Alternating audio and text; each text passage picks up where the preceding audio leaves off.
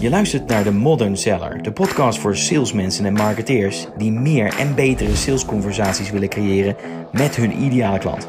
Ik ben je host, Massimo Realty van Vendigi. Ja, welkom weer, beste kijkers, luisteraars, bij podcast 8. Vandaag weer met uh, Ben Markslag, waarin we het gaan hebben over hoe kun je nou die marketing qualified leads zo opvolgen dat je er succes uit haalt. En ook vandaag doornemend um, wat er eigenlijk gebeurt en uh, wat er eigenlijk verkeerd gaat, sorry, als je het niet goed voorbereidt. Welkom Ben, jij bent vandaag weer uh, aanwezig. Dankjewel uh, Massimo. Ja, goed dat je er bent weer. Hey, we gaan het vandaag hebben over um, um, succes en valkuilen, denk ik hè? Ja, kort, bezwaren die veel mensen, veel salesmensen, wat ik merk, eigenlijk op het moment dat ze denken dat ze het goed doen, in een, in een telefoongesprek of in het gesprek aan tafel toch vaak betrapt worden eh, op teleurstelling omdat ze te maken krijgen met afwijzing. Uh, bezwaren van klanten. En ik denk wat we hier willen doen vandaag is, hoe ga je daar nou mee om? En waar zou dat dan in feite aan kunnen liggen? Aan welke knoppen had je beter kunnen draaien om dergelijke bezwaren of teleurstellingen te voorkomen? Ja, ja, want uh, daar, daar, daar, daar kampen een hoop salesmensen nog wel mee. Zeker in deze tijd natuurlijk is dat best lastig. Überhaupt al om in gesprek te komen. Ja. Maar dan, wat, wat, voor, wat voor tegenwerpingen krijgen ze? Dat is goed om die vandaag door te nemen. Want uh, ja, dan, heb je, dan heb je die inbound leads binnen. Hè, die marketing qualified leads. Of iemand zegt, uh, ja dat is goed, bel me, bel me maar op. Laten we met elkaar spreken. Hoe verhoog je dan die kans op dat succes, denk jij?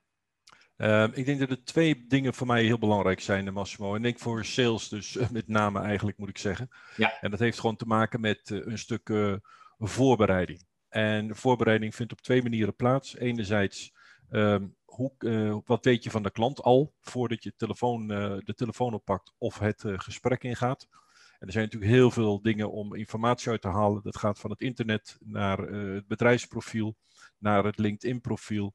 Uh, daar kun je al heel veel achtergrondinformatie halen van uh, over wie je contactpersoon is. Ook al soms misschien praat je wel met eventueel iemand die beslissingsbevoegd is. Waar zit hij in de organisatie? Dat is ja. één ding. Tweede wat denk ik heel belangrijk is, en dat heeft gewoon te maken met jezelf. Hoe goed voorbereid ben je zelf voordat jij de telefoon oppakt? En dan grijp ik even terug naar de andere podcasts waarin we gesproken hebben over, uh, over de voorbereiding als sales en wat er tegenwoordig van een top sales verwacht wordt. Ja. En dan hebben we het dus over in hoeverre ben jij in staat of in hoeverre heb je het inzicht en ben jij de expert die precies weet wat de top drie problemen zijn van, de, van de doelgroep waar jij mee te maken hebt. Die precies weet wat de redenen zijn waarom klanten jullie bedrijf hebben gekozen. Die dus eigenlijk heel goed op de hoogte is van jullie onderscheidend vermogen. En punt drie is, eh, dat is nog veel belangrijker, zeker in de huidige tijd als we praten over investeringen, van wat is de return on investment geweest? Dus welke resultaten hebben klanten van jou geboekt doordat ze gewoon de oplossing die jij voorstelde geïmplementeerd hebben? En met dat in gedachten uh, niet alleen dat het je gewoon ongelooflijk veel vertrouwen geeft op het moment dat je al die antwoorden weet, maar ben ik ervan overtuigd dat je veel professioneler overkomt, veel meer zelfovertuiging hebt om gewoon indruk te maken in dat gesprek, het zij aan de telefoon, het zij aan tafel. Ja. Ja, je kunt heel veel informatie natuurlijk ook ter voorbereiding vinden op LinkedIn. Ja. Uh, maar inderdaad, wat jij zegt over het, het ontdekken bij je huidige klanten, waar in een andere podcast we wat dieper op in zijn gegaan natuurlijk het ja. ontdekken van die successen. En, en daar met uh, je nieuwe prospects over hebben is zeker interessant. Ja. Maar toch. Weet je, er zijn toch veel, veel salesmensen die natuurlijk, uh, dat horen we vaak, hè, dat ze zeggen van ja, ik krijg toch een mail met, we gaan het toch niet doen. Dat op die manier worden ze afgescheept. Ja. Wat, is er, wat is daar gebeurd, denk je? Hoe, en, en hoe kun je daarop reageren eigenlijk? Nou, laat ik zo zeggen. Er zijn, er een paar dingen, of één ding wat ik er nog aan wil toevoegen, wat heel wezenlijk is, behalve je voorbereiding over van wat je allemaal weet van je uh, persoon, je contactpersoon, maar ook over jezelf, ja. is gewoon het feit van in hoeverre ben je als sales professioneel je ook bewust eh, van het feit dat een gesprek volgens een bepaalde lijn altijd verloopt. Veel te veel salesmensen springen te snel naar oplossingen toe. En wat ik altijd zeg is van zorg er gewoon voor dat je in eerste instantie uh, gericht bent op het kwalificeren van, uh, van je prospect. Dat je een probleem vaststelt wat er mogelijk is, of samen met de klant tot iets komt. Uh, op basis van de inzichten die jij hebt van de klant, zegt van dat zou voor ons ook interessant zijn. Weet wie de, of de man die tegenover je zit een beslisser is. En probeer gewoon vervolgens dan ook te ontdekken hoe de ideale oplossing er voor die persoon uh, uit zou zien. Ik ben ervan overtuigd dat die voorbereiding als, puur als professional, als sales, ook bijdraagt aan een veel grotere afsluitquota. Nou, ja. en dan ga je met dat inderdaad ga je bellen. Uh, en als je dus dat marketingstuk goed gedaan hebt en je hebt die inbound leads, ja, hoe verhoog je dan die kans op succes inderdaad, zoals je vraagt? Ja. Nou, ik denk dat je gewoon moet realiseren dat um, je kunt twee men soorten mensen vervolgens aan de telefoon krijgen. En dat zijn namelijk enerzijds, uh, ik noem het een beetje de informatieverzamelaars. Ja. En de andere groep, zijn de groep is de groep zeg maar, die eigenlijk al besloten heeft tot uh, actie over te gaan. Zeg maar, die ja. zijn bij wijze van spreken al het besluit tot aankoop hebben genomen. En dus gewoon op zoek zijn naar de beste oplossing. Dus oh. hoe ga je het verschil maken tussen die twee? Want dat is eigenlijk dan waar het op neerkomt. En dan moet je gewoon heel goed van bewust zijn van wie heb je aan de telefoon. Want de eerste groep die wil een oplossing en de tweede groep bevindt zich nog maar in de onderzoeksfase. En dat vraagt dus ook om een absoluut, waar ik het net over had, andere soort gespreksstructuur om uit te vinden van waar die mensen staan en hoe je dus gewoon daar richting een, uh, zeg maar, eh, de afsluiting eigenlijk uh, gaat. Ja. Dus uh, ga eerst bepalen of ze de oplossing willen, um, voordat, ze gewoon, voordat je kunt afsluiten. Dus vragen die daarbij kunnen horen zijn bijvoorbeeld, hebt u al besloten uw huidige oplossing te vervangen en onderzoekt u welke oplossing de beste is? Ja, dan, dan weet je al in feite van, is dat die groep? Of krijg je de groep op, met de vraag, of onderzoekt u of u echt tot vervanging wilt overgaan? Die ene vraag leidt gewoon tot een veel helderder beeld van, met wie zit jij aan de telefoon? En dan zijn er gewoon slechts twee antwoorden mogelijk. Of ze zijn op zoek naar de beste oplossing, of we hebben nog niet besloten en zijn aan het onderzoeken. Nou, en daar horen dus hele andere vervolgvragen bij. Er hoort een wat andere gespreksstructuur ook bij. Dat is een goede vraag, ja. Ja. En zeker, ja, zeker om, om te ontdekken. Ja. Ja. dit gebeurt veel, Massimo. Ik bedoel, dit, weet je, er zijn natuurlijk heel veel mensen in uh, die door een uh, baas, als ik het zo even mag noemen, erop uitgestuurd worden om informatie te verzamelen, uh, alvorens men gewoon tot een besluit gaat komen. Maar je kunt je eindeloos verzanden qua tijd in dergelijke trajecten en mensen allerlei zaken toesturen en, en met hen in gesprek gaan.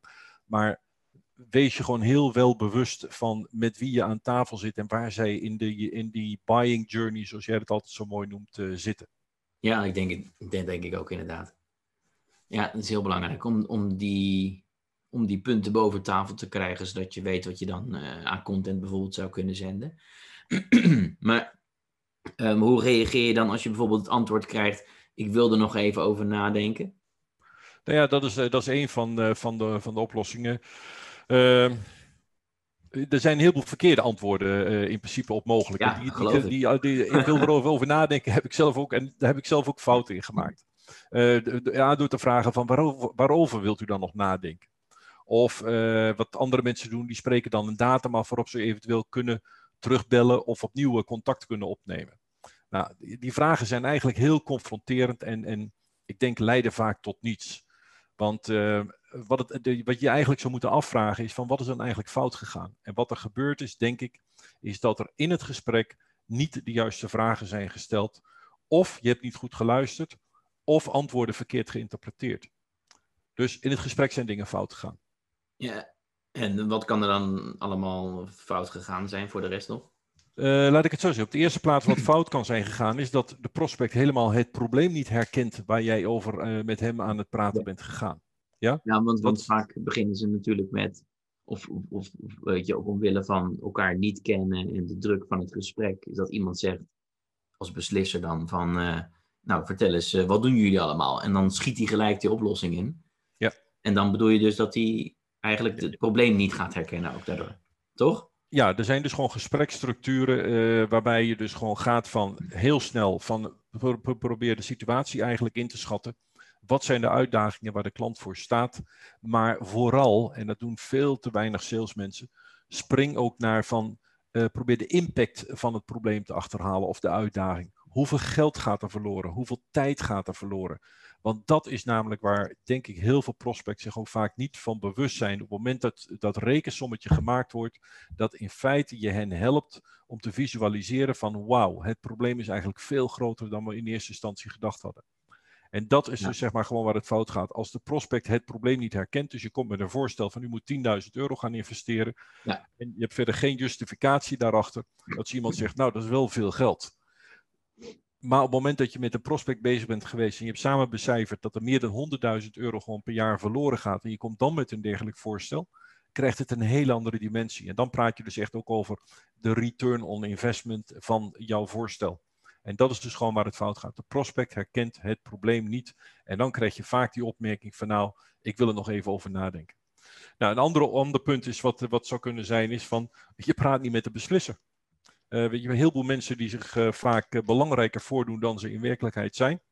En daar horen dus gewoon vragen bij om te achterhalen van, van of zij inderdaad de beslisser zijn. Dus ook een heel belangrijk punt.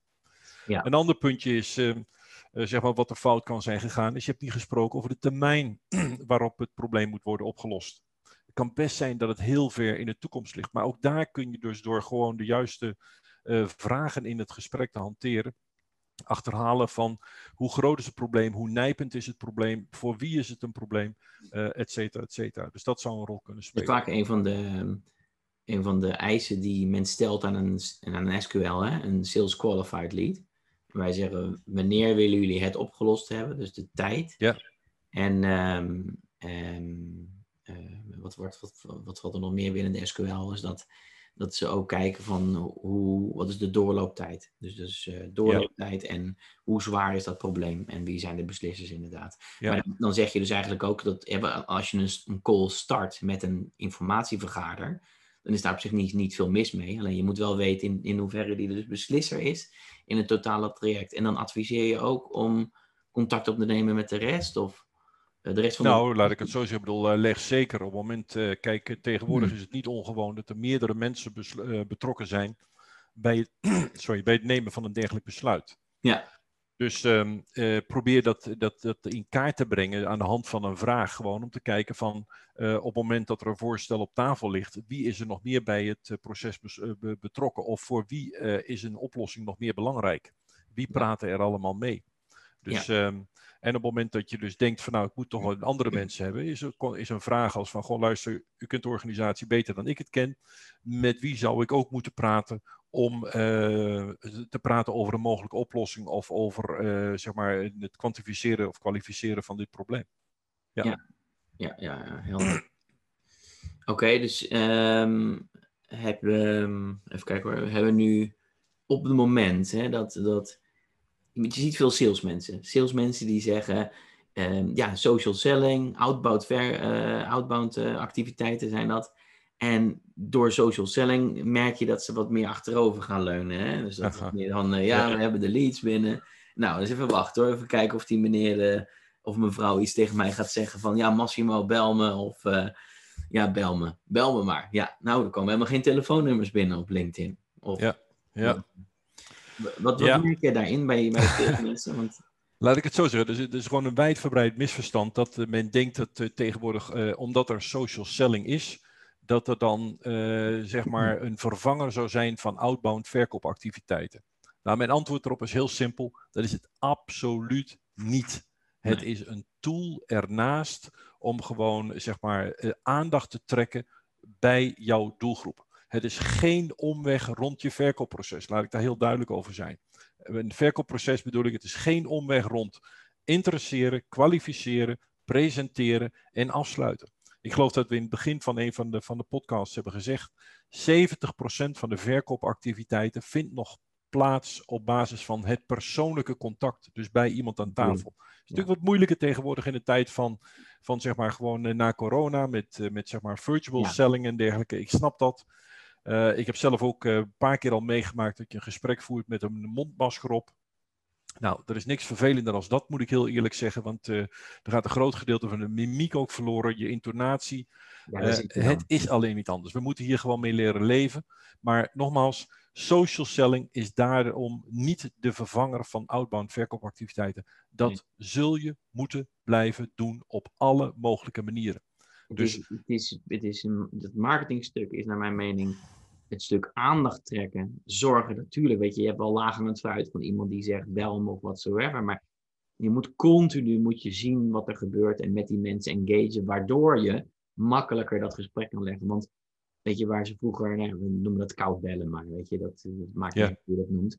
Eh, dan was het gewoon een telefoon pakken. En nu is dat je iemand, die kent jou echt.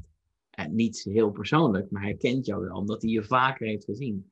Ja. Dat die hele awareness creëren, waardoor je makkelijker die telefoon kan pakken. Maar daar zit dus sales nog te vaak in de stand van, nou, dan komt het op me af, weet je wel. En dat, dat, dat is inderdaad wel een goed punt wat je zegt.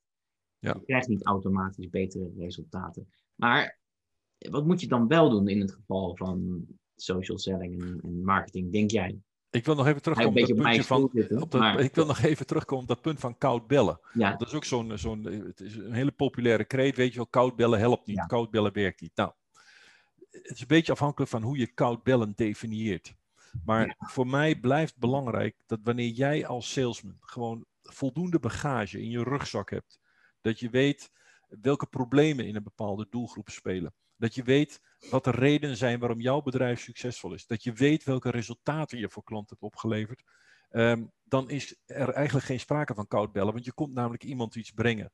Ehm, je, praat, je praat met kennis over de, over de markt. En dat is ook een beetje het antwoord op de vraag van wat moet je wel doen in het geval van social marketing. Het is gewoon je doelgroep kennen en weten waar je die gewoon moet bereiken. Ook online. Ja, en dat kan LinkedIn zijn en dat kunnen nog vele andere social media zijn. Maar ik denk zeker in de B2B-sfeer waar wij voornamelijk opereren, is, uh, is LinkedIn gewoon een heel belangrijk uh, iets. Tweede dus, wat heel belangrijk is in het geval van social selling of social marketing of hoe je het ook wil noemen, is gewoon zorg dat je die expertise op jouw vakgebied blijft vertonen. Dus hoe voeg jij waarde toe? Even nog terug naar de definitie van wat is waarde toevoegen. Ja. Bestaat uit twee componenten. Of je brengt iets positiefs wat bijdraagt aan de omzet, of je levert een bijdrage aan verlagen van de kosten. Alleen dat is waarde toevoegen. En zo scherp zul je moeten denken in het, uh, in het salesproces van waar help ik uh, precies mijn, uh, mijn, mijn doelgroep, mijn klanten, mijn prospects mee. Dus het doel is gewoon aandacht te trekken op, op social selling enzovoort in het, sorry, ja, social melding is gewoon aandacht trekken en niet verkopen. Dat doe je nog niet. Het verkopen geschiet pas in de tweede fase, op het moment dat je werkelijk met mensen in contact bent, op het moment dat je met mensen aan tafel zit. Exact, niet, niet verkopen op het platform LinkedIn, hè? Helder. Nee, absoluut. Ik bedoel, weet je, blijf gewoon consistent in je sociale, social activiteiten. Uh, zorg dat je dus gewoon, ik heb het vorige keer tegen jou gezegd, dat niet op je voorhoofd staat van hier ga ik mijn quotum realiseren of mijn target realiseren. Forget it. Dat, dat merken mensen en ik kan helaas achter uh, de camera het gebaar niet maken. Maar in Nederland gaat geheid twee handen op de broekzak van, maar niet uit mijn portemonnee. Nee. Want dat is namelijk wat niet op zijn prijs gesteld wordt. Je zult gewoon moeten laten zien wie je bent, wat je zo komt te betekenen. We praten niet meer over verkopen, we praten over helpen, kopen. Dat is waar het om gaat. Nou, dus eens. Met, warme lead is niet vanzelfsprekend een deal, maar het slechts het begin van een verkoopproces. Als die warme lead uit social selling of social marketing komt. En dat is ook precies wat er vaak misgaat tussen marketing en salesafdelingen. Hè? Dus wij, jij bent meer sales, ik ben meer, meer marketing, dus dat is een mooie vergelijking altijd. Mhm. Maar bij, bij organisaties, ook vanuit het benchmark-artikel trouwens, wat we, het benchmark-report, sorry, wat we hebben gelanceerd, waarin je de antwoorden terugkrijgt van marketing is niet uh, blij met, Met, met, de sales, met sales, hoe ze de lead opvolgen. En sales is niet blij met de, met de kwaliteit van de lead. En die, die discrepantie daartussen, waar heeft die nou volgens jou dan mee te maken? Ik, eh, ik, ik denk heel eerlijk gezegd, uh, ik heb uh, ooit een artikel, een interview gegeven voor een artikel.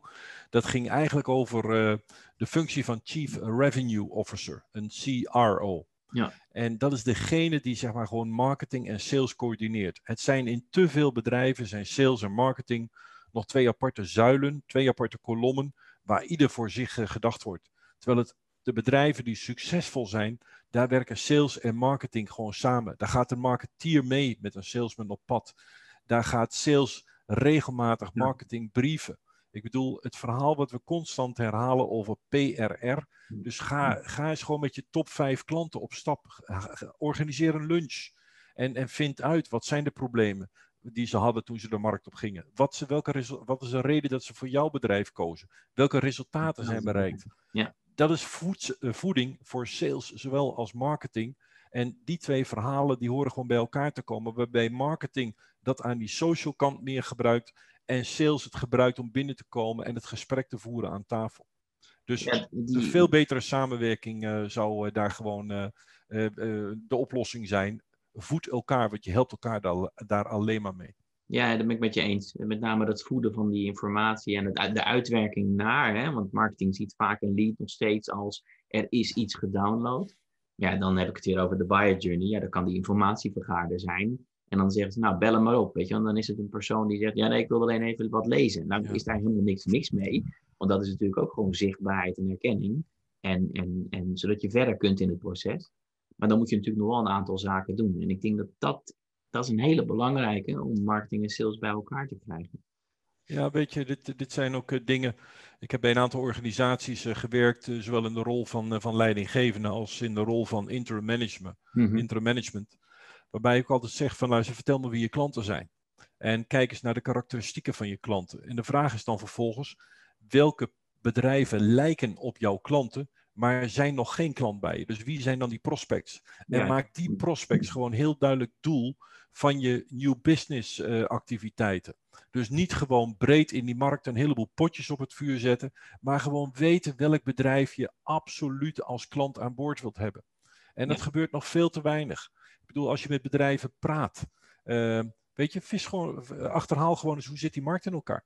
Zijn het honderd bedrijven die allemaal een procent marktaandeel hebben? Of zijn er een paar bedrijven die een heel groot marktdeel en marktaandeel hebben? En de vraag is dan van, waar staat u als je praat met iemand van in die, in die top 10? En als hij zegt van nou weet je, we staan op de vijfde plaats. Goh, maar wie zijn dan uw concurrenten?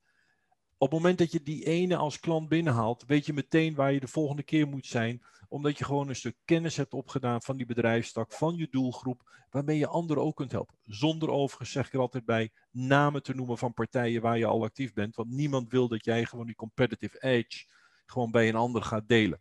Maar eh, wees daar gewoon slim in. En hetzelfde met de referentievraag. Weet je, dat heb ik ook al gezegd, de referentievraag eh, van...